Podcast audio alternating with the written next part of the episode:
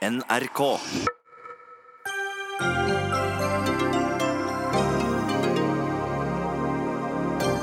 Erna Solberg er fortsatt landets statsminister etter valget, men hvem skal hun styre sammen med? Venstre har akkurat sittet i møte for å vurdere om de faktisk skal bli med i regjering. Arbeiderpartiet gjorde et historisk dårlig valg. Partiets egne slår ring om lederen Jonas Gahr Støre. Og hvordan vil Senterpartiet og SV bruke sine nye mandater for å få innflytelse? Partiene svarer selv, og ekspertene kommenterer.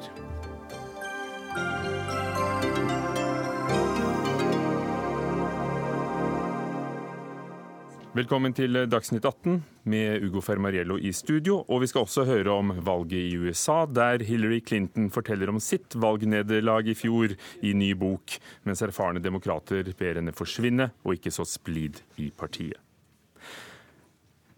Erna Solberg skal altså fortsette som statsminister og leder landets regjering etter nattens spennende valg, som ga et borgerlig flertall. Men en regjering av Høyre og Fremskrittspartiet trenger støtte fra både Venstre og Kristelig Folkeparti. Og akkurat nå har Venstre avsluttet sentralstyremøte for å diskutere mulig regjeringsdeltakelse. Ola Elvestuen, nestleder i Venstre. Du har kommet ut av møtet. I dag sa dere at dere ikke utelukker å delta i regjering.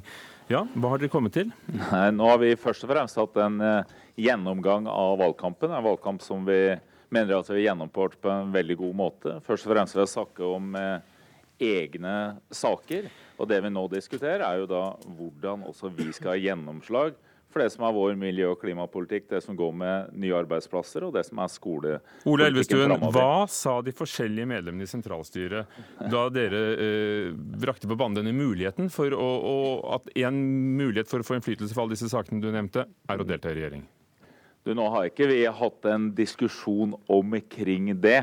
Dette er et uh, første møte med en evaluering av den situasjonen vi er i. og Vi er godt fornøyd med at vi også har klart å plassere oss inn i en maktposisjon også i de fire årene som nå kommer. Og så skal vi nå i samtaler mellom uh, de fire partiene. Men så har dere altså hatt samtaler med dere selv. Hva vil dere kunnet oppnå ved å gå i regjering sammen med Høyre og Fremskrittspartiet? da? Eh, I motsetning til å stå utenfor og støtte dem utenfor. For dere har jo sagt at en stemme på dere er en stemme for en fortsatt borgerlig regjering. Ja, Det som er viktig er jo at vi har den, at det som er viktig er selvfølgelig at vi har et fortsatt borgerlig flertall og, og Venstres sentrale posisjon for det. Eh, og så skal vi ha gjennomslag for våre politikker. Det er jo først og fremst derfor også velgerne har eh, stemt, stemt på oss. Men hvordan dette her nå skal skje Vi har sagt at vi ønsker en eh, blå-grønn regjering med Høyre, Venstre og KrF. Eh, men nå må vi ha samtaler, de fire partiene, og de er ikke starta opp ennå. Men dere har heller ikke vært like avvisende overfor Fremskrittspartiet som Kristelig Folkeparti har vært. Og, og hva er grunnen til at dere holder den døren åpen? Det, det er, dette handler om at hva vi sier er det akkurat det samme som sagt hele valgkampen. Det er Vårt mål er en blågrønn blå-grønn eh, regjering. Men så har vi tenkt vi må ha gjennomslag for det som er politikken vår. Og det er jo først og fremst derfor også velgerne har eh, stemt eh, på oss. Og så gjør vi det som vi har sagt også gjennom hele valgkampen, at de fire partiene må nå sette seg ned, og så må vi starte de samtalene. og vi er ikke noe lenger... Som dere alle sier, Elvestuen. Men, men, ja, men, vi er ikke noe lenger, vi er ikke noe lenger i den prosessen nå. Eh, og det er, så det er der vi er.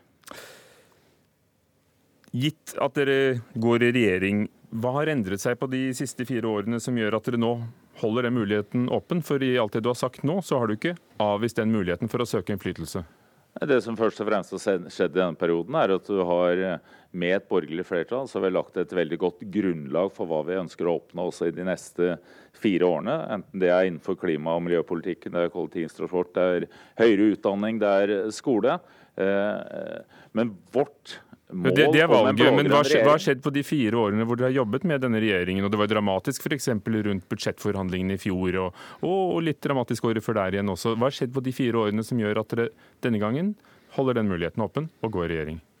Nå Først og fremst så er eh, vi har hatt eh, Resultatene gjennom disse fire årene har vært eh, gode. Venstre mener at vi har hatt store gjennomslag med den posisjonen som vi har. Og nå er det en evaluering av hvilken situasjon vi nå har, og se framover for hva vi nå skal ha gjennomslag for. Eh, men det er ikke noe endring på at vi ønsker en blå-grønn regjering. Nå må de fire partiene snakke sammen, eh, og det er det neste steget som vi nå trenger å gå inn i. Hvilke saker vil dere aldri gi dere på? Det hovedsaken i Venstre er jo at vi fortsatt skal drive framover og ha, ha styringfart på klima- og miljøpolitikken. Vi skal drive fram eh, den eh, etter- og videreutdanning for læring. Det er mange tema innenfor skole og utdanning, også for å få til en grønn eh, næringsutvikling. Og dette er jo de hovedtemaene som vi har drevet hele valgkampen på. Og det kommer vi til også å ha som mål også i neste periode. Og du har jo profilert deg sterkt også når det gjelder saken om oljeutvinning og konsekvensutredning av det utenfor Lofoten, Vesterålen og Senja. Ville det vært aktuelt å, å sitte i en regjering som som vil ha konsekvensutredning av oljeutvinning i de områdene? Vi har, Vår oljepolitikk er veldig enkel. Man skal holde seg unna de sårbare områdene som Lofoten, Vesterålen og Senja, Jan Mayen, iskanten og andre definerte områder. Vi skal ha så lite utslipp som mulig under produksjon. Og så må vi se på hele skattesystemet, sånn at vi får slutt på at det er det fellesskapet som tar risikoen, og all risiko når du tar nye felt, der må selskapene ta en større del av risikoen. Og det er klart at Dette er eh, viktige saker for Venstre, som vi ønsker å oppnå i eh, den perioden som nå kommer. Takk skal du ha. Ola Elvestuen, nestleder i Venstre. Du får bli med videre og lytte på alle de som er her i studio. Jan Tore Sanner, nestleder i Høyre. Var det kanskje en fremtidig klimaminister vi hørte her? Det var i hvert fall eh, kloke vurderinger fra, fra, Venstres side. Jeg mener det er helt naturlig nå etter valget, hvor det er borgerlig flertall, og hvor de borgerlige partiene har vist styringsdyktighet og gjennomføringskraft, og ikke minst vært det trygge valget nå ved, dette stortingsvalget, at vi setter oss sammen ned og ser hvordan vi skal forvalte dette flertallet. Det er et uh, borgerlig flertall. Uh, vi har allerede blitt enige på mange politikkområder som peker fremover. Nasjonal transportplan er en av dem.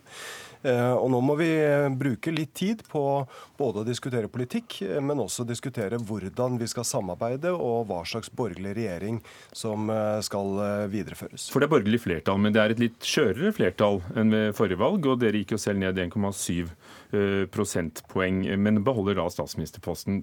Hvordan var natten? Den var uhyre spennende. og det er, Alle valgnetter er, er spesielle. og Man kan jo ikke puste ordentlig ut før eh, resultatet er, er endelig. Eh, men nå ble det et, et, borgerlig flertall, og vi har jo også gjennom hele denne fireårsperioden vært opptatt av å samarbeide mellom alle fire partier, med noen ganske få unntak. Og Det betyr at alle fire partier må oppleve at de får mer igjen for, for samarbeidet. Det handler om å gi og ta, finne gode løsninger. Og det har vi lyktes med så langt, og det skal vi også klare fremover. Tror du, for det har jo holdt hardt noen ganger, som ved budsjettforhandlingene i fjor. Om en måned er det tid for å legge frem nytt forslag til nytt statsbudsjett. Tror du dette kan holde i fire nye år? Jeg har tro på det. Eh, og så er det en forskjell på en flertallsregjering og en mindretallsregjering. Eh, vi hadde åtte rød-grønne år med flertallsregjering. Da foregikk alle disse, diskusjonene på bakrommet. Med en mindretallsregjering så foregår det åpent i Stortinget. Det gjør også demokratiet mer, mer spennende. Det gjør at folk kan få større innsikt i de diskusjonene som er mellom, mellom partiene. Eh, jeg har selv ledet budsjettforhandlinger fra Stortinget, vet at det er, er krevende. Eh, men vi har fått til gode resultater i de forrige firegående år, og vi skal få det til også i de fire kommende. Per Sandberg, nestleder i Fremskrittspartiet. Ville du sittet rundt kongens bord sammen med Venstre hvis det ble aktuelt? Ja, altså vi har, Som Jan Tore også sier, gjennom de fire siste årene så har det vært eh, ja, det har vært eh, både oppsvinger, oppturer og nedturer. Men det er jo helt naturlig når fire ulike partier skal samarbeide om så mye politikk. Eh, og Det er klart at det, det, handler om å gi og ta. Vi føler at vi har gitt mye noen ganger, kanskje for mye. og Sånn føler sikkert de tre andre partiene også, så det er jo gjensidig.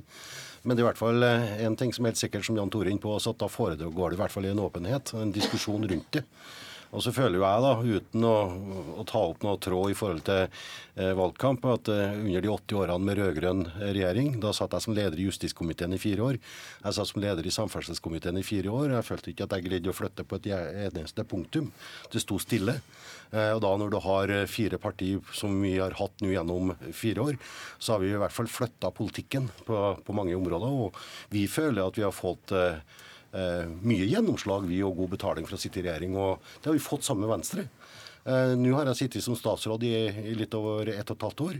Eh, og jeg har hatt en utrolig god dialog med, med Venstre og KrF sine deltakere i næringskomiteen. Og da kan dere kanskje gi det, litt i klimapolitikken og det, og til Venstre? Og det tror jeg også andre, andre statsråder føler at oppimot den dialogen man har hatt med eh, Venstre og KrF sine representanter i ulike komiteer på Stortinget, så har det vært et godt samarbeid. Men støtten Men, fra Kristelig Folkeparti blir viktigere nå enn før? For de trenger både Venstre og Kristelig Folkeparti for å få støtte til egne forslag? Jo, men der igjen eh, så er det sånn at gjennom de fire årene her så har vi stort sett hatt eh, samarbeid og vedtak sammen med de fire partiene. Det har vært noen enkeltsaker der alt Venstre og KrF har skilt lag, men ellers har vi stått samla. Og det er jo en styrke, det det vi har visst gjennom fire år. Eh, at vi har kommet så godt ut av det i, i, i forhold til det. Og så syns jeg at Elvestuen er ganske klar og tydelig her også. Det er jo veldig vanskelig for oss alle sammen, tror jeg. Dagen derpå. Alle er gjennomgående sliten. Ønsker jo både å evaluere eget hode og evaluere eget parti og, og alt mulig sånt noe. Eh, og begynne å diskutere ulike detaljer, hvordan dette vil se ut etter at budsjettet er lagt fram osv. Det tror jeg er veldig vanskelig, for alle vil gå noen runder med sine partier nå. Men det begynner jo nå? Ja, det begynner nå, men altså først og fremst så blir det en forankring. Eller jeg tror det var Trine som sa hun ville gjerne ha en uke ferie også. Og Det tror jeg alle har behov for, faktisk. For å reindyrke tankene og så møte med overskudd når man skal begynne å samtale framover. Trond Giske, nestleder i Arbeiderpartiet. Var det strategien som slo feil, eller velgerne som valgte bort Arbeiderpartiets politikk? Ja, Det skal vi nå evaluere. da. Det er i hvert fall ikke sånn at vi fikk noe eh, brakoppslutning om det budskapet vi kom med. Det får vi ta til etterretning. Eh, og ha en gjennomgang av. Jeg tror eh, vi skal ta ansvaret sjøl. Vi skal i hvert fall ikke skylde på velgerne. Men når forsto du at dere hadde bommet på strategien? Det som da gjorde at dere fikk 27,4% av stemmene, som er, er 3,5 prosentpoeng mindre enn siste gang? Ja, Vi leste vel meningsmålinga gjennom hele valgkampen. De første kom vel midt i august, hvor vi da eh, lå på en 7-28, eh, og det ble jo sluttresultatet også. Så vi hadde jo motvind gjennom hele valgkampen, og veldig mye oppmerksomhet om negative målinga. Det der skaper jo kanskje også en sånn egen dynamikk. da, at eh, Etter 30 eh, oppslag med eh, Jonas som må forklare hvorfor vi går ned, så kan folk få et inntrykk av at det her ikke akkurat er vinnerlaget, og så blir det litt selvforsterkende. Jeg har vært med på motsatte valgkamper også, hvor alt du tar i blir til gull, og hvor du er i medvind hele veien. Og det her var en valgkamp i, i motvind, så det, det har vel en, en sånn selvforsterkende effekt. Snorre Valen, nestleder i Sosialistisk Venstreparti. Hva er din forklaring på at dere og Senterpartiet har gått sånn opp, mens Arbeiderpartiet gikk ned? Altså, Arbeiderpartiet må evaluere sin egen valgkamp. Det skal de få gjøre helt sjøl uten at jeg eh, deltar i det. Men jeg tror veldig mange mennesker i Norge, eh, og det viser valgresultatet òg, er grunnleggende bekymra for det økende skillet i makt økende skille i økonomi, eh, økonomiske forskjeller, økende fattigdommen og manglende handlinger mot, eh, mot klimaendringene. Eh, og Det er jo verdt å understreke at de eneste partiene som går fram i det her Stortinget, det er SV og Senterpartiet, og så er det Rødt. Det er et ganske tydelig signal fra velgerne om at de ønsker mindre av den politikken vi har hatt de siste åra. Og det er også en svekka regjering vi ser nå. Så jeg ser ingen grunn til å henge med hodet sjøl om vi har uh, tapt dette flertallet. Tvert imot så er det her tida for å jobbe enda hardere, skape nye politiske alternativer. Uh, være en plage for den sittende regjeringa, som vi vil ha felt. Uh, og sørge for... Og Du mener at Arbeiderpartiet ikke har plaget nok? da? Nei, som sagt, Arbeiderpartiet må evaluere sin egen valgkamp. Men det er klart at det ligger noen muligheter i det her nye stortingsflertallet. F.eks. så er det sånn at KrF nå må stå opp hver morgen, og Venstre må stå opp hver morgen og tenke om det er viktigst at eh, Per har en god dag, eh, eller at man gjør mer for klimaet. verner Lofoten, Vesterålen og Senja får til et løft mot barnefattigdom og øker barnetrygda, sånn som KrF og SV står sammen om. Eh, verner de ideelle i velferden mot kommersiell konkurranse. Alt er Alle saker, sakene du brenner for? Ja, alt det her er saker som jeg brenner for, men som det også er mulig å bygge flertall for i dette Stortinget vi har i dag. Eh, og greier opposisjonen å samle seg om saker som KrF har til felles med oss, så kan denne regjeringa få et kortere liv enn det de fleste antar i dag. Marit Arnstad, nestleder i, nei, parlamentarisk leder i Senterpartiet. Dere gjorde et brakvalg. 10,3% Akkurat nå har dere fått inn et nytt utjevningsmandat ja. i Hardaland. Ja. I 21. time etter valget. ja. Hvordan vil velgerne merke at dere fikk så mye mer makt, men ikke kom i regjering? Nei, vi skal fortsette å kjøre beinhardt på de sakene som vi syns er viktige, og på de samfunnsendringene vi syns er viktige. Det er jo sånn at denne regjeringa har jo brukt som arbeidsform i komiteene i Stortinget at de har brukt KrF og Venstre vekselvis for å skaffe flertall. Og så har liksom KrF sluppet unna noen gang når det ble for vanskelig, og så har Venstre sikra flertallet, og motsatt noen gang KrF sikra flertallet. Den muligheten er borte. Den muligheten finnes ikke noe mer. Og Det betyr jo at det er jo saker som vil bli tatt opp i det nye Stortinget som angår tvangsvedtak når det gjelder kommunereform, som jo ble vedtatt med to stemmer i Stortinget, og som ikke lenger har flertall. Eh, som gjaldt inntektssystemet for kommunene. Andre ting som vi også selvsagt nå vil ta f.eks. KrF på alvor på, når de nå sier at de vil ha en reformpause. At de også viser det når de sitter i Stortinget i tida framover. Så det er jo en mer, mye mer tynnslitt regjering i den forstand at det er et mye knappere Eh, flertall de har å forholde seg til i Stortinget. Og flertallet har snudd på enkelte punkt, rett og slett. Og her vil vi jo gjerne hørt hva Kristelig Folkeparti sier, men de sitter i møte og hadde ikke anledning til å komme i Dagsnytt 18. Eh, eh, men det er der du ser for deg en nye allianser og en måte å fremme helt konkrete saker? Hvor dere kan få regjeringen til å skifte kurs? Ja, Vi må jo ta bl.a. KrF på alvor når de sier at de f.eks. vil ha en reformpause. Og vi må jo ta på alvor at de vedtakene om tvangssammenslåing av kommuner ble vedtatt med to stemmes overvekt i Stortinget. Det flertallet finnes ikke lenger i Stortinget. Det er et annet flertall i Stortinget i dag, og da må vi jo selvsagt kunne ta opp de sakene igjen. Og også prøve på nytt å få en annen kurs, en annen retning når det gjelder kommunesammenslåing og når det gjelder inntektssystem. Giske vil Senterpartiet og Arnstad få med seg Arbeiderpartiet, for dere har jo vært med på store forlik eh, sammen med regjeringen. Hva er det det dere kanskje har fått lide for i valgkampen? At dere, dere sto der, formet, var med å forme politikken og stemte for? Ja, Det er i hvert fall et spørsmål vi må diskutere i den evalueringa vi eh, skal gjennom. Men for Arbeiderpartiet vil jo alltid politisk innflytelse være viktigst. Altså Sakene, innholdet, mer rettferdig fordeling, eldreomsorg, skole, helse, de tingene som vi brenner for. Og det er jo helt riktig som Marit Arnstad sier nå, at eh, Bak den store oppmerksomheten om Arbeiderpartiets tilbakegang, så har jo de fire eh, partiene som ga grunnlag for den regjeringa vi har, gått mer tilbake og vant jo flertall med knappest mulig margin. De vant faktisk ikke engang flertallet av stemmene, men fikk flertall av mandatene. Eh, og jeg tror det blir en helt annen situasjon i Stortinget i årene framover, hvor det er altså mulig for oss tre, da, Senterpartiet, SV, eh, Ap, hver eneste gang vi får med Kristelig Folkeparti, å klare å flytte politikken mot venstre og mot sentrum. Eh, det er veldig mange områder hvor jeg tror KrF vil finne mer gjennomslag for sin politikk med oss enn med Høyre og Frp. Tenker du da sak til sak, eller faktisk kunne velte en regjering? Hvor langt vil du gå? Altså, i, i, sak til sak vil vi jo kunne få gjennomslag for veldig mye. Når det gjelder å felle en regjering, så er det litt større spørsmål. og eh, KrF har jo sagt at de ønska ønsker Erna Solberg som statsminister. Men i løpet av en fireårsperiode så oppstår det situasjoner. Det oppstår kriser, det oppstår eh, budsjettforhandlinger som går i stå. Det kan være kontrollkomitésaker, det kan være veldig mange situasjoner som oppstår i løpet av en fireårsperiode. Og dette er en regjering som nå har egentlig mista sitt parlamentariske grunnlag, fordi at KrF ikke lenger vil ha en fast samarbeidsavtale, men går i opposisjon. Og dermed Sandberg, er det blitt en slags mindretallsregjering og, og lever på Arnstads nåde? Nei, altså mindretallsregjering, det er det jo. Eh, men, men, jeg hører hva som blir sagt her. og Når Snorre Valen sier at eh, man skal fortsatt være en plage for regjeringa, så syns jeg det gjenspeiler valgkampen fra disse partiene også. Man har vært mer opptatt av å plage enn å se konstruktivt på løsninger og finne politikk som er til det beste for folk. Og Der tror jeg faktisk i hvert fall Arbeiderpartiet har gått i en felle i så måte. Men så er det sånn at man glemmer jo to partier også, Rødt og, og Miljøpartiet De Grønne. Men det er klart at dette som sies her nå, det er nettopp derfor vi sier at nå skal vi ta en uh, pust i pakken, og så skal det deles ut nye kort. Vi er fullstendig klar over at vi må ha gode runder med KrF og Venstre, og det tror vi at vi skal greie for å skape den forutsigbarheten som skal til for at denne regjeringa skal sitte lengst mulig. Men så, men så har jo Trond helt rett.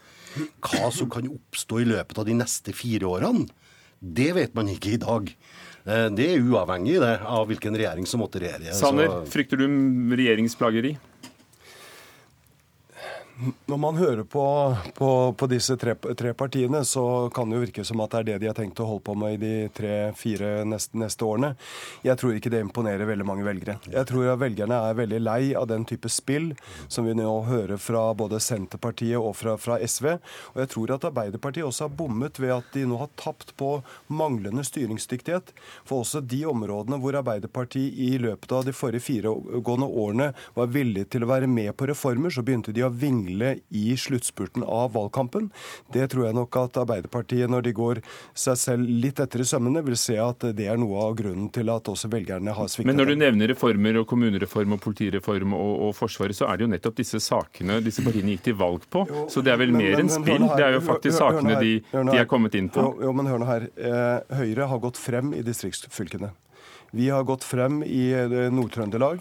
Vi har gjort et svært godt valg i Sogn og Fjordane og, og, i Telemark. Og dere har gått tilbake nasjonalt? Du, jo, eh, vi gjorde et brakvalg i, i 2013. At vi går noe tilbake fra det, det er kanskje ikke så overraskende. Men i det valgresultatet som kom i går, så er det liten forskjell på Arbeiderpartiet og Høyres størrelse. Arbeiderpartiet har nå for første gang på 90 år gått tilbake i opposisjon. og det viser at, er, at det er en ny politisk virkelighet. De borgerlige partiene er blitt gjenvalgt etter at vi har gjennomført mange store, viktige Også reformer. i distriktene. Fått, ja, og vi har fått folkets Marit Arnstad. Ja, hvis vi skal fortsette litt på det, da, skal være veldig kort, så vil jeg si at Senterpartiet gikk fram i alle landets kommuner utenom én. Og vi, er, gikk fram sånn at vi er dobbelt så stor som Høyre i Nord-Trøndelag. Så selv om Høyre gikk fram i Nord-Trøndelag, så er vi altså dobbelt så stor som dem.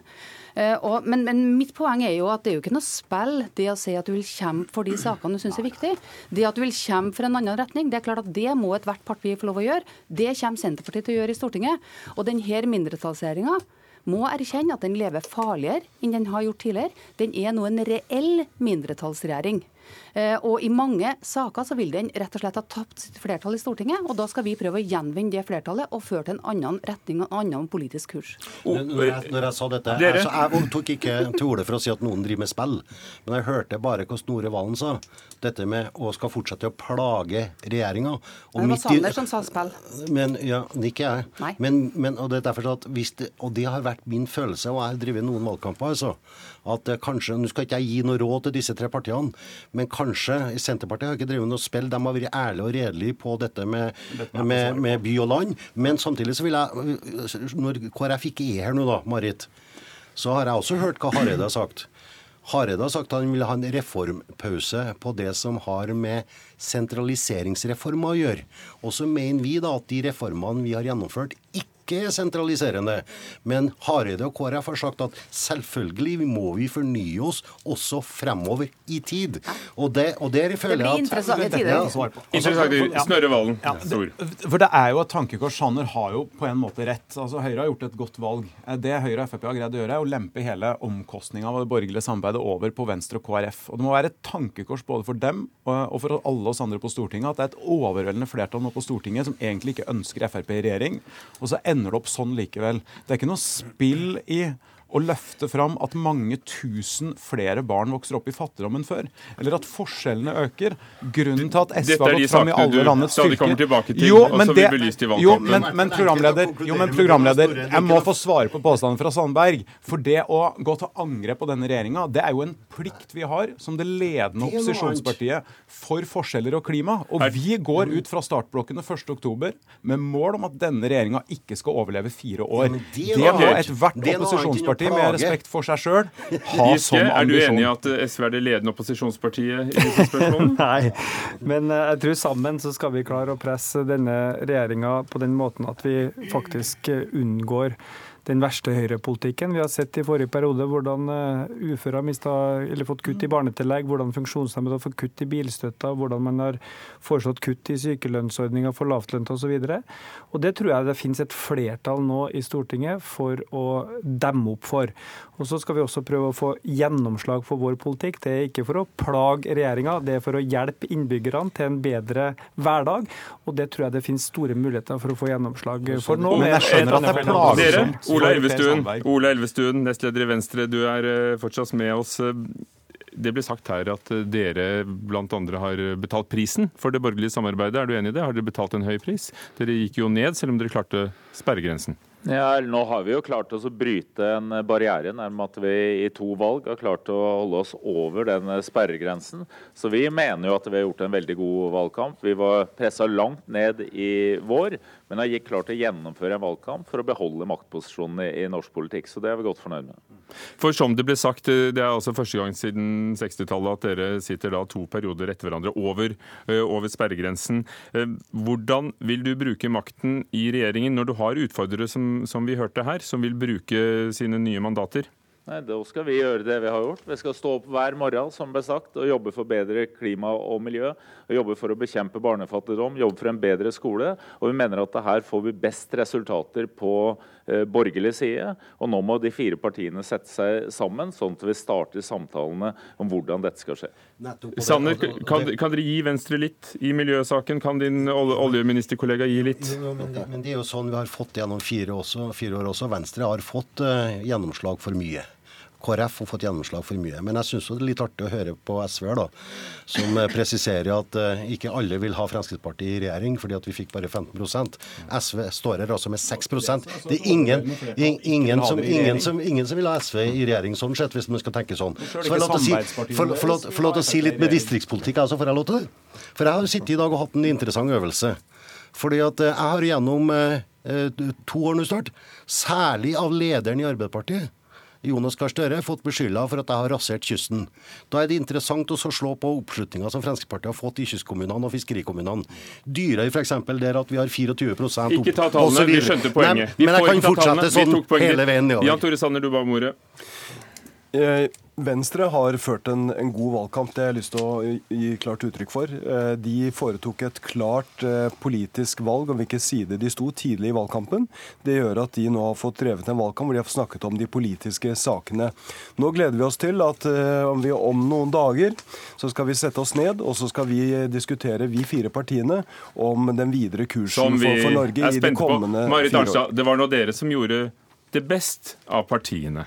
Jo, det gjorde vi. Så da får du siste ord. Og vi skal bruke det så godt vi kan i Stortinget. Men det som Høyre og, og Frp her overser, er at de har ikke det samme flertallet som før. De kan aldri lene seg bare på Venstre eller bare på KrF. De er avhengig av begge. Det skaper en helt annen dynamikk i det norske Stortinget. Her har jeg vetorett i hvert fall. Takk skal dere ha, alle sammen. Jan Tore Sanner fra Høyre, Per Sandberg fra Fremskrittspartiet, Trond Giske fra Arbeiderpartiet, Snorre Valen fra SV, Marit Arnstad fra Senterpartiet og Ola Elvestuen fra Venstre.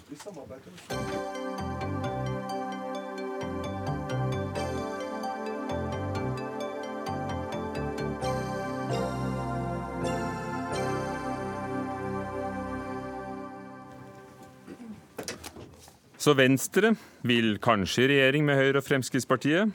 I dag ble det altså kjent at sentralstyret har diskutert denne muligheten, men de, de sa jo ikke noe stort mer. Eh, og et sentralstyremedlem, nemlig Guri Melby, sier til NRK at det er lite sannsynlig. Kjetil Bragli Alstein, politisk redaktør i Dagens Næringsliv, du skriver at eh, Venstre og Kristelig Folkeparti bør i, i, i regjering, men eh, hva har de å tjene på det? Makt og innflytelse. Det de har eh, gjort ved å si nei til å sitte i regjering i de fire siste årene, er å si nei til, eh, til statsrådsposter, nei til statssekretærer, nei til politiske rådgivere. De kunne komme inn i regjeringsapparatet, ha hele byråkratiet å spille på. Mye bedre muligheter til å utforme politikk og til å gjennomføre politikk. Mye bedre muligheter til å påvirke statsbudsjettet enn de har hatt nå, der de kommer inn når budsjettet er lagt frem og de skal prøve å reparere eh, det som er der. Og en ting til. Eh, noe av det Venstre og Kristelig Folkeparti er opptatt av, er jo at de skal ha mindre Fremskrittsparti i regjering. Hvis de går inn, så blir det mindre Fremskrittsparti i regjering, for da blir det færre Fremskrittspartistatsråder. Berit Aalborg, politisk redaktør i, i, Vårt Land. Er det overhodet tenkelig at Kristelig Folkeparti, som har sagt så klart og tydelig at vi aldri vil sitte i regjering med Fremskrittspartiet, vil, vil kunne gjøre det? Nei, det kan jeg ikke se for meg. Og vi har jo hørt Hareide gjenta at det er Høyre, Venstre og KrF. Og de har laga en ganske tydelig bom for at de kan gå inn i et sånt samarbeid med Fremskrittspartiet i regjering. Og så vil jeg bare si at um, når man skal være i en situasjon der hvor man skal ha makt, så må man også være enig om helheten. Og I går så var jeg innom mange valgvaker, og en av de var KrF sin. og Der har man nok en slags oppfatning av at man har blødd veldig mye pga. dette samarbeidet, og ser at man har gått tilbake. Og så er det jo veldig mange meninger om hvorfor KrF går, har gått tilbake, men de mener også at det handler om det samarbeidet, at de har forstukket seg. Eh, og Det er grunnen til at de ikke vil gjøre det. og Jeg, tror ikke vi, jeg er veldig sikker på at vi ikke kommer til å se en sånn regjering med de fire partiene, i hvert fall i overskuelig fremtid?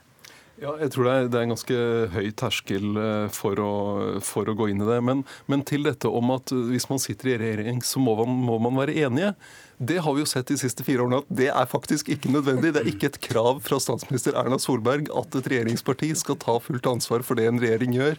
Hun har gitt uh, veldig mye rom for Fremskrittspartiet til å markere primærstandpunkter. Det vil jo også Venstre og Kristelig Folkeparti kunne gjøre. Tri Trine Eilertsen tenkte jeg å bringe inn. Politisk redaktør i Aftenposten, hva tror du ville de tjent på å være i regjering?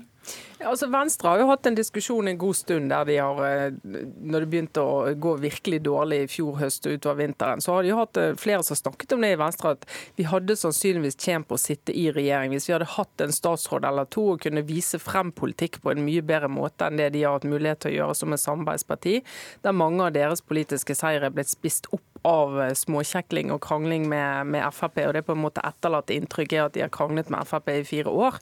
Og De har lange lister så de legger ut på venstre.no med seire de har. og De kan du oppsøke og lese om der, men jeg tror ikke det har festet seg hos så mange. Så de har diskutert, og diskuterer det jo realistisk nå. Eh, KrF har jo eh, satt seg sjøl inn i et hjørne som gjør at det egentlig klarer ikke å se for meg at KrF skal komme ut av det hjørnet og si at nei, nå tar vi steget fra å ikke bare Altså, vi har sagt vi ikke skal ha en samarbeidsavtale med Frp. Vi skal ikke støtte en regjering med Frp, vi faktisk gå inn i regjering med Frp. Eh, det tror jeg blir for langt steg for, eh, for dagens KrF-ledelse, og det er for tidlig. Berit Aalborg. Ja, nei, jeg hadde bare lyst til å si at en, en, måte å se det på er jo at de har satt seg selv i et hjørne. En annen måte å se det på er at de sitter i en vippeposisjon mellom flere ulike alternativer. Eh, nå sier ikke jeg at jeg tror med det aller første at de kommer til å gå inn i regjering sammen med Arbeiderpartiet, men det er også altså et alternativ som de sikkert på et eller annet tidspunkt vil vurdere hvis man, de opplever at ikke de får nok gjennomslag. Eh, og så er det jo litt sånn at det er jo helt åpenbart at Venstre og Høyre er likere enn KrF er både med Høyre og Fremskrittspartiet. Så det er nok lettere å så å si bli en del av det regjeringsprosjektet for Venstre. De har, en, har, flere liberale standpunkter enn KrF har, og har også en økonomisk politikk som ligger nærmere Høyre. Så jeg tror nok det er en helt annen posisjon for Venstre å innta det standpunktet faktisk, enn for KrF, som er mye likere faktisk Senterpartiet i mange saker. Alstheim, også i Venstre er det vel stor splittelse i synet på om Fremskrittspartiet er noen man leker med eller ikke? Eh, ja, det er stor eh, Det er klart Fremskrittspartiet, og særlig Sylvi Listhaug, har jo vært et av, eh, av, Venstres problemer gjennom denne valgkampen, og en belastning for dem. Men det, de, det både Venstre og Kristelig Folkeparti Jeg tror de trenger tid til å fordøye dette valgresultatet. Og så må de tenke gjennom vil de ha fire år til på den samme måten som de har hatt nå i det siste. Eh, eller vil de inn og ta den makten de faktisk har mulighet til å ta? Og så har de også, sånn som Kristelig Folkeparti, nå har de mistet altså Hans Olav Syversen, som er et, en av partiets flinkeste politikere. Han ramler ut av Stortinget. Han kunne blitt statsråd. Og, i, og, så er det også verdt å huske at hva, hva er punkt én i Kristelig Folkepartis regjeringsstrategi? Det er Kristelig Folkeparti vil inn i regjering. Det er punkt én. Og i, hva var det Hareide lovet i valgkampen? Jo, Erna Solberg skal være statsminister. Da har, han, eh, da har, de muligheten. De kan ha Erna Solberg som statsminister, og de kan komme inn i regjering. Det er det de har lovt velgerne. Magnus Takvam, du er også en av dem som vandret fra valgvake til valgvake og, og ledet partilederdebatten i Stortingets vandrehall eh, i natt. Ja, når du hørte nestlederne vi hadde samlet her i mm. sted, og, og det var snakk om hvor langt de ville gå for eventuelt å, å felle en regjering, og Marit Arnstad var inne på at man kunne slå kiler i enigheten på mm. borgerlig side. Vil Arbeiderpartiet har lyst, tror du, til å gå så langt som å felle en regjering? Ja, det vil jeg tro. Eh, men bare litt tilbake til det dere nettopp har diskutert, så, så, er det i hvert fall interessant at det er en reell diskusjon i partiet Venstre om eventuelt å gå inn i regjering. Så det er ikke bare teori, det er liksom mange i partiet som tar til eh, orde for det.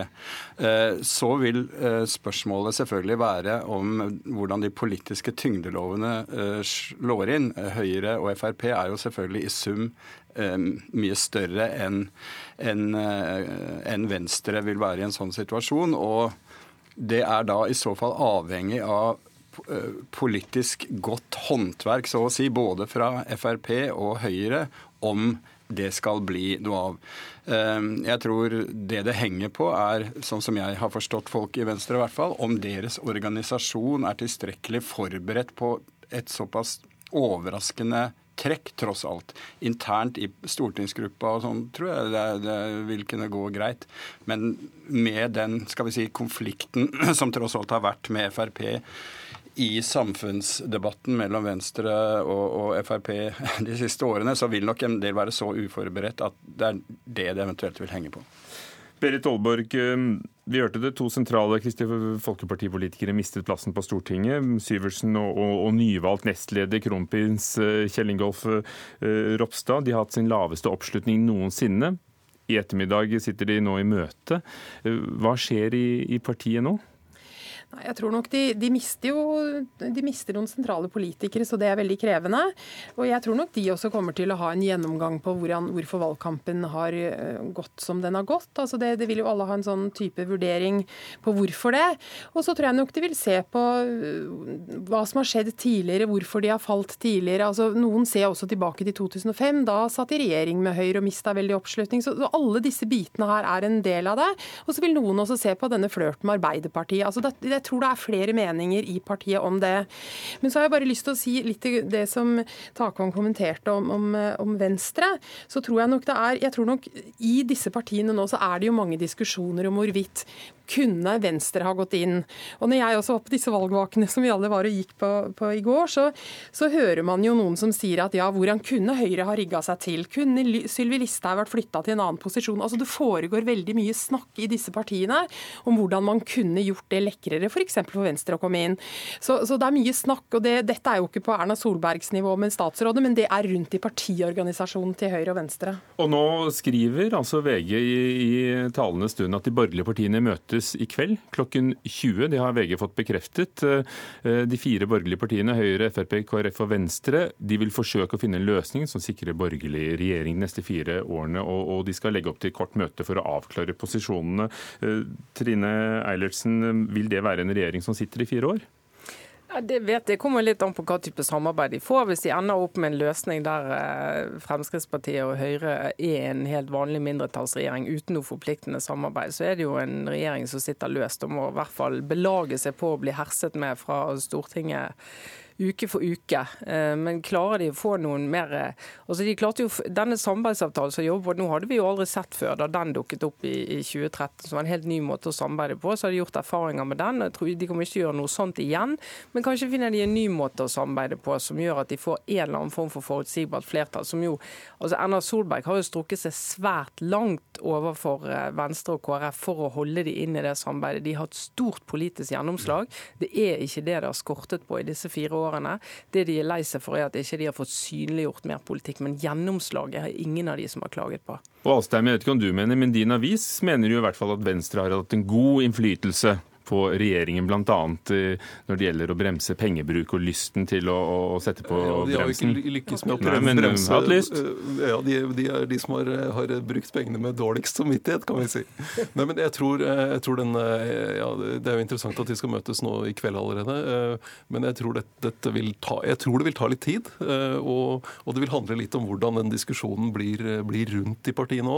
En ting er hva som skjer, er, skjer inni dem. ser, ser i dag så har du F.eks. Eh, miljøorganisasjoner som, som Greenpeace og, eh, og, Miljøstiftelsen Zero, som sier at KrF og Venstre bør gå inn i regjering for å prøve å få, få gjennomslag av mer av den klima- og miljøpolitikken de har. Så Den type signaler tror jeg også kan påvirke debatten i de to partiene. Magnus Takvam, vi spurte ikke engang Trond Giske da han var her, fordi svarene har kommet uh, som perler på en snor uh, helt siden uh, valgresultatet ble klart, at alle i Arbeiderpartiet slår ring rundt Jonas Gahr Støre som partileder. Men hva skjer i partiet nå? De, skal jo ha en sjelegransking, sier de. Ja, så Den typen evaluering de vedtok eh, nå i dag, var jo en ganske kort altså Sentralstyret sammen med altså AUF og LO skal Eh, gjøre en gjennomgang av, av valgkampen politisk og organisatorisk osv. Så, videre. så og jeg tror det var veldig viktig for dem å ikke ha en havarikommisjon som eh, hvis det hadde skjedd, hadde bare fordypet krisen i Arbeiderpartiet og dratt ut og hatt et fokus på alt som gikk galt. slik at... Ja, fordi Arbeiderpartiets egen Rita Ottervik i Trondheim har jo tatt til orde for havarikommisjon. Ja, men i hvert fall så, så, tror jeg det var lurt av dem å ikke ha det. Eh, og så spørs det hva som kommer ut av den eh, gjennomgangen. Så langt, og det som ble sagt på eh, pressekonferansen i dag, var jo mer det var ikke eh, en selvkritikk som, som, jeg hørte så mye til der, så det blir jo spennende å se hva slags erkjennelse de, de kommer fram til. Og jeg tror heller ikke det kommer til å oppstå en sånn personstrid i Arbeiderpartiet på kort sikt, men hva som skjer framover er, er, en helt annen sak. Jeg tror veldig mye avhenger av hvordan Arbeiderpartiet nå i den nye rollen de er, klarer å posisjonere seg i opposisjon. Det er mange selvsikre og eh, på en måte andre partier i Stortinget, Senterpartiet og SV, som har mye de vil. ikke sant? Så Det er veldig mye opp til hvordan Arbeiderpartiet opptrer i den nye rollen, og om de på den måten klarer å vinne mer tillit og mer oppslutning og er tydeligere i sitt politiske budskap enn det de har vært til nå, og særlig denne valgkampen. Har også Giske og Tajik som nestledere en del av ansvaret for Arbeiderpartiets resultater? Ja, ja definitivt. Altså, jeg mener jo dette handler om, om strategi og ikke om eh, Jonas Gahr Støre som leder, først og fremst. Og dette partiet har laget seg en strategi der eh, Tajik var leder for programarbeidet, Giske har vært eh, valgkampgeneral, har jobbet med valgkampstrategien. Så de er jo tungt involvert i det. Så hvis du begynner å diskutere strategien og hva som er galt og ikke galt, så er det veldig vanskelig å, å peke på en av de og si at de hadde nok tenkt på en helt annen måte. For disse tre har jo vært enige om hvordan de skulle gjøre det. Så dette er jo en, en gjennomgang for partiet, mer enn en sånn som noen har prøvd å gjøre det til en begynnende lederstrid i Arbeiderpartiet. tror jeg er altfor eh, for tidlig. Ja, og så tror jeg at det har, En periode så var det veldig vanlig å, å be ledere gå når ting gikk dårlig. Men så tror jeg man har hatt noen erfaringer i Norge med at ledere som har vært ute en vinternatt før, kan klare seg bra. Erna er et eksempel på det. Hun hadde det veldig krevende en periode. Audun Lysbakken også, eh, altså på gallupen og målingene. Så jeg tror man har sett at det faktisk er mulig å reise seg etter å ha hatt tøffe perioder i partiet med nedgang. Altså jeg, jeg, tror det er verdt å minne om at Arbeiderpartiets posisjon nå er tror jeg, mer krevende og kompleks enn det som var tilfellet etter det forrige katastrofevalget i 2001. For da var det en, etter min mening, entydig årsak til at partiet falt, nemlig denne høyredreiningen som skjedde under Stoltenberg 1. Og de kunne da i det handlingsrommet eh, gjøre noe helt nytt. De knyttet seg til det rød-grønne prosjektet og greide på den måten å framstå eh, spennende og nye. Men nå er konfliktlinjene mye mer sammensatt og ikke så enkle å løse på samme måte. Jeg er enig i det Berit Aalborg sier om at det finnes jo andre eksempler på partiledere som, som, har gjort det dårlig, og så kommet tilbake. og Et eksempel er jo Erna Solberg. Jeg husker I valgkampen i 2009 så hadde jo en lang debatt hele sommeren før valget i Dagens Næringsliv med leserinnlegg om hvorvidt Høyre bare burde trekke seg tilbake til Frogner og sitte og drikke Chablis på terrassen. Og så har jo Støre Han har jo ikke gjort noen, noen dårlig, opp, dårlig, figur i valgkampen. Han kom jo veldig godt ut av mange av debattene. så, så det er, eh, men de hadde konjunkturene mot seg. Det ble bedre tider i landet enn det de hadde planlagt for da de la valgkampstrategien i fjor. Er alt harmoni i Høyre? Blå konfetti og seiersgang nedover Karl Johans gate midt på natten? I Høyre det er jo eh, topp stemning. De er jo kjempefornøyd med at de klarte å holde stand så godt som de gjorde. og de var veldig, de har så det er ikke usikre. problemer innad i Høyre bak fasaden? Nei, ikke som jeg har plukket opp. Der jeg tror jeg det er jevnt over harmoni for tiden. Takk skal dere ha, alle sammen. Magnus Takvam, politisk kommentator i NRK. Berit Aalborg, politisk redaktør i Vårt Land. Kjetil Bragli Alstadheim, politisk redaktør i Dagens Næringsliv. Og Trine Eilertsen, det samme i Aftenposten.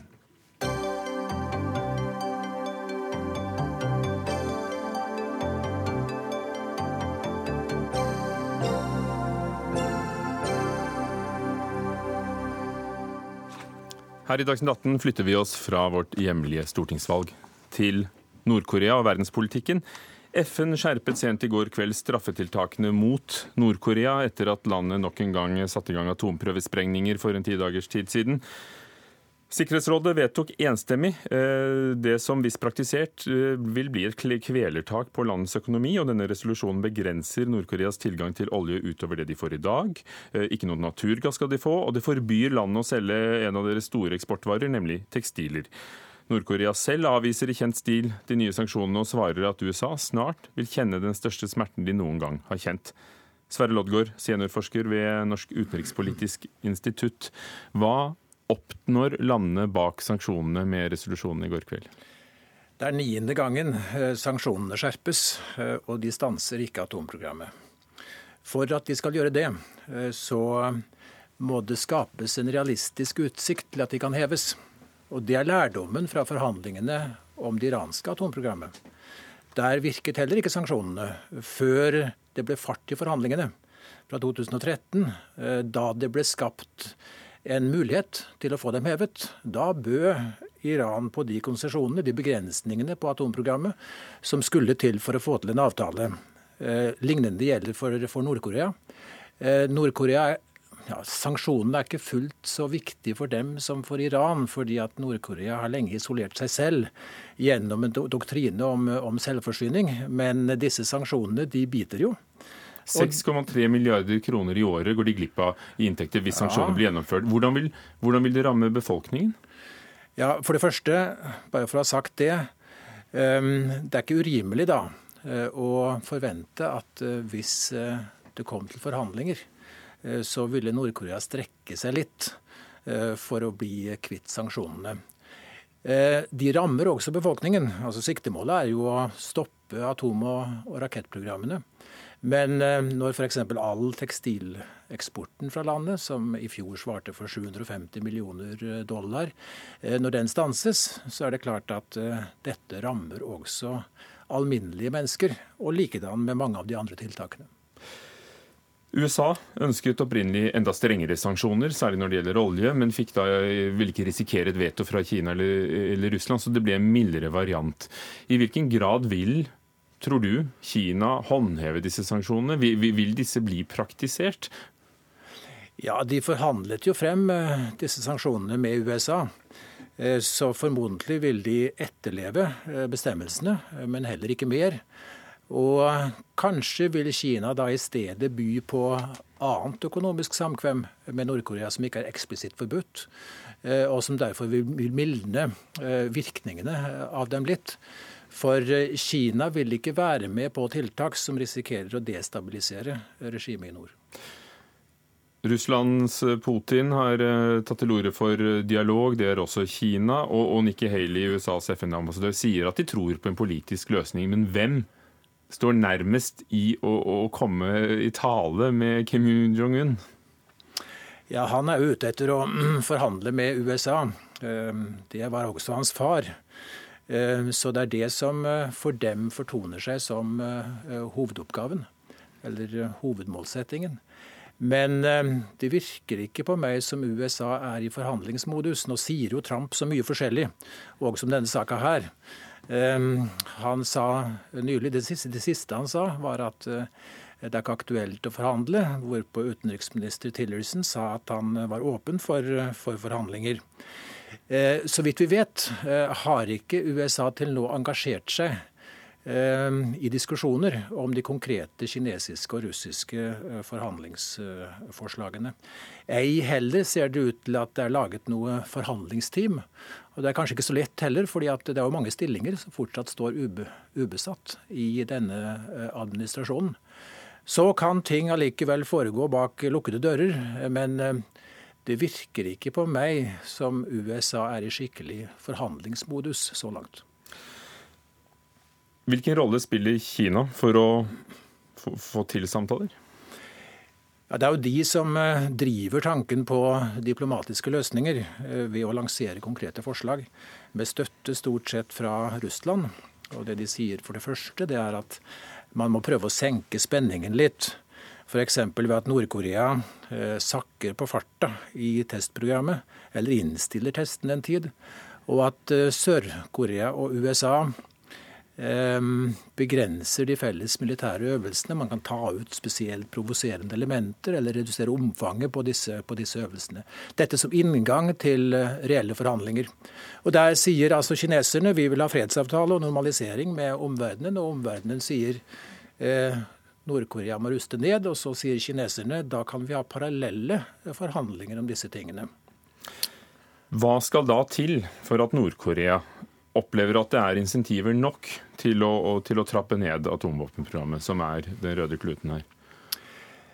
Ja, Hovedsaken er altså å få i stand forhandlinger, for andre tiltak virker jo ikke.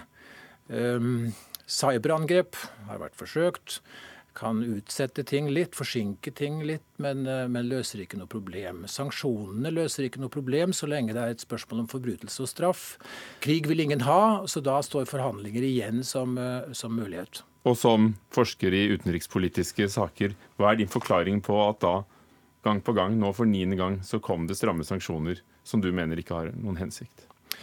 Man må markere alvoret i situasjonen, og dette er i mangel på bedre alternativer foreløpig.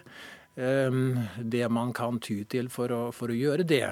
Men ehm, for USAs eh, vedkommende eh, så ja, Vi må innse at det er litt vanskelig da, for supermakten å sette seg ned med en pariastat eh, og forhandle formelt sett på like vilkår. Det er psykologisk utfordrende. Så er forhåndsbetingelser en uting. Men eh, det er altså hva USA eh, så langt sier at de må ha, i form av nordkoreanske konsesjoner i forkant. Takk skal du ha, Sverre Loddgaard, seniorforsker ved Norsk utenrikspolitisk institutt, om de siste sanksjonene mot Nord-Korea.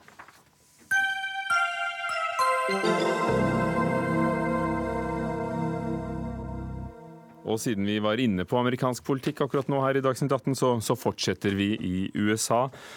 Og fra vårt eget valg til et annet valg, for i november i fjor våknet altså verden til nyheten om at Donald Trump vant USAs presidentvalg. Hva skjedde? Nettopp det, What Happened? Det som skjedde, er tittelen på den tapende kandidaten Hillary Clintons nye bok, som kom eh, klokken seks i dag tidlig norsk tid, midnatt amerikansk tid, om valgkampen i fjor og om henne selv og fremtiden. Bårin Alme, du er kommentator på nettstedet Amerikansk politikk, eh, og begynte på boken så snart du kunne, i lydbokversjon, der Hillary leser selv. Har du lært noe nytt? Nei, det er lite nytt som kommer i denne boken. her. Dette her er mest hennes redegjørelse uh, og hennes analyse av alt som har skjedd. Og man, man, sitter igjen med et litt sånn inntrykk av at dette kanskje var mest for hennes egen skyld. En sånn slags renselse etter mange måneder med, med diagnoser og politiske obduksjonsrapporter fra ulike eh, kommentatorer osv. Som, som i hovedsak har lagt skylden på henne for dette valgresultatet. Og hun tar mye ansvar selv også for det som har skjedd, men hun, er også, hun helgarderer seg litt når hun eh, tar opp de forskjellige forklaringsmekanismene hun mener var, var utslagsgivende. Og så gir hun da særlig skylden til James Comey, FBI-sjefen, som, som da kom med denne avsløringen om Eh, etterforskningen om e-posten hennes elleve dager før valget, og som hun mener da eh, hindret det, den, eh, altså det opp den stemningen hun hadde da, rundt oppslutning og positivisme i innspurten. Så, så den, den, er en åpen, åpenhjertig og egentlig veldig spennende eh, bok. Til forskjell fra tidligere ting som har vært veldig sånn omstendelige og tunge. Tove Bjørgaas, vår korrespondent i Washington DC. Hva er de politiske reaksjonene? For er, hun bruker jo kraftig krutt mot flere. Ja, Det finnes mange på demokratisk side her. Mange av dem vil ikke stå fram med navn, men som kritiserer Hillary Clinton eh, kraftig eh, i dag og i dagene som har gått, for at hun kommer med denne boka nå, for at hun skal legge ut på en bokturné eh, gjennom USA neste mandag. Fordi de mener at hun nå bare river opp igjen det såret som valget i fjor høst ble, og, og demokratene forsøker nå å finne veien videre. Det hun spesielt blir kritisert for, eh, det er angrepene hun kommer med på Bernie Sanders. Eh, hun er selvfølgelig bitter på Bernie Sanders, som altså var en veldig hard utfordrer i nominasjonskampen, fordi han kritiserte henne kraftig. Og Det hun spesielt nevner i boka, er at han kritiserte henne for at hun hadde tjent alle disse millionene på å holde foredrag for bankfolk på, på Wall Street. Eh, men det gjorde hun jo, så mange av kommentatorene mener at det er helt eh, rimelig at han kritiserte henne for det. Og de mener altså at nå har vi hørt Hillary Clintons versjon allerede, og nå må partiet få lov til å komme videre. De ber henne, de ber henne holde munn, ganske enkelt. Ja, det var en kommentator som sa altså, hold kjeft og forsvinn. Eh, han ville ikke si hva han het, eller hva hun het. Dette leste jeg i nettavisen The Hill, eh, som har gode kilder ofte. Eh, men også mange politiske kommentatorer. Det har kommet små drypp fra denne boka de siste ukene. Mange hadde ventet at det skulle være flere direkte nyheter der, avsløringer. Men som Vårin sier, så, er det ikke så veldig mye nytt i denne boka. Så, så, så dette er altså først og fremst Hillary Clintons historie og hennes eh, sikkert behov for å forklare seg også overfor det amerikanske folket, som hun eh, på mange måter sviktet. Vårin Alme, du som eh, selv analyserer amerikansk politikk, vil du si at, at Hillary Clinton er, er godt egnet til å analysere sin egen innsats i valgkampen? Altså, hun gjør en god jobb, og, og, det er jo unikt uh, og interessant for oss som studerer dette. Bare det å få hennes innblikk, det er jo utrolig verdifullt og historisk sånn sett. Man har jo ikke fått en sånn type valgkampbok tidligere, og det er jo fordi vi ikke har hatt en lignende valgkamp før noen gang. Um, hun gjør en god jobb med, med, dette å analysere de ulike tingene hun gjorde feil. Um, det er noen ting hun hopper litt over, som kunne gått dypere inn i. Men, men hun helgarderer seg litt og trekker fram de ulike forklaringsmekanismene som de fleste trekker fram. Og mye av den kritikken kritikken um, hun retter f.eks. mot Bernie Sanders, uh, den stemmer jo uh, i og med at um, de angrepene han kom med mot henne, de ble på en måte ikke utfordret på samme måte av media som det, som det hun uh, kom med. Og det, det, er kritikk hun retter mot media sin behandling både av Trump og av Bernie Sanders. At hun, hun ventet på at media skulle stille dem detaljerte spørsmål om hva betyr egentlig disse planene, om helseforsikring eller om murer osv., og, så videre, og det kom aldri. Så hun legger noe skyld på andre som jeg i hvert fall tenker at er rimelig mulig, samtidig som hun feiler i å se uh, egne svakheter i tilstrekkelig grad, og kanskje feiler i å se de strukturelle problemene som lå til grunn for dette her. Ja, for Hun fornekter seg ikke, skriver New York Times sin kritiker, eh, som en som står på sitt og argumenterer til det siste. Tove Børgaas, hva sier kritikerne? De, de sier at det er som så vi hører her, altså Det er interessant lesning, dette. Det er jo selvfølgelig kjempeinteressant å høre hennes versjon av denne dramatiske valgkampen. Eh, og en mye lettere skrevet bok også enn hennes tidligere bøker, som har vært nesten eh, ja, altså valgkampbøker, hvor, som hun har skrevet før hun skulle stille til valg. Eh, så det er interessant å lese henne beskrive hvordan det var å stå sammen med Donald Trump på debatten i St. Louis, der han lusket rundt bak henne, det husker dere kanskje, og tittet inn i kamera eh, altså hvordan, du, hvordan, hun opplevde disse tingene som, som, som skjedde. Så, så, så som, som, lesning så får, eh, så får, boka god kritikk, eh, og, og, mange forstår jo også at hun ønsker å, å, komme med sin versjon nå. Hva sier hun om uh, sin politiske fremtid? Nå har ikke jeg fått lest hele boka, så jeg, jeg kan faktisk ikke svare på det spørsmålet. Men det som hun har sagt, er at hun ikke skal stille Eh, til valg igjen, trolig. Det har vært eh, versert noen rykter om at hun kanskje kunne komme til å stille som borgermesterkandidat i, i New York. Eh, men, men, ja, det vet ikke om kanskje den andre debattanten har Vårin Alme, har du, har du kommet til den biten? Ja, jeg har ikke hørt noe om det i boka, men hun stilte altså nå på et CBS-intervju der hun snakket om boka, og da svarte hun blankt at hun nå er ferdig som politiker, men ikke i politikken. Hun kommer fortsatt til å kjempe for saker, men ikke stille som kandidat noensinne igjen. Så vi ser om vi tror på henne. Men, men jeg tenker at den åpenheten viser i den boka her, den, eh, den tyder på at hun eh, forteller sannheten. For nå har hun intet å tape. Har hun Tove Bjørgaas kraft til å skade Det demokratiske partiet på noen måte, siden, siden hun får så kjeft fra sine egne? Problemet til Det demokratiske partiet nå er at partiet brytes innenfra og må finne en vei videre. Donald Trump er en historisk upopulær president, men det står ikke bra til med oppslutningen om demokratene heller. og Vi har sett at i de eh, sånn, altså valgene som har vært så langt, det var bl.a. et eh, sånn mellomvalg til en kongressete i Georgia i juni, så klarte ikke demokratenes kandidat å nå fram. Så, så, der foregår det nå en prosess der mange ønsker at partiet skal bevege seg bort fra Hillary Clinton, mot venstre, mot Bernie Sanders. Eh, og de har valgt en ledelse som står litt på midten. Eh, og akkurat der kan nok ikke Hillary Clinton hjelpe så veldig mye til akkurat nå. For jeg tror partiet må forsøke å finne noen nye, unge stemmer og finne veien videre selv. Så, så der, den debatten fortsetter, og det er her man mener at at en sånn boktur nok kan være skadelig. Vårin Alme leser Hillary godt, siden du valgte lydboken. Veldig godt. Hun har jo før vunnet en Grammy for disse lydbokinnspillingene sine. Takk skal dere ha. Vårin Alme på amerikanskpolitikk.no og Tove Bjørgaas, vår kvinne i Washington DC. Fredrik Lauritzen var ansvarlig for Dagsnytt 18. Finn Lie hadde tekniske ansvaret. Hugo Fermarello var programleder. Takk for i dag.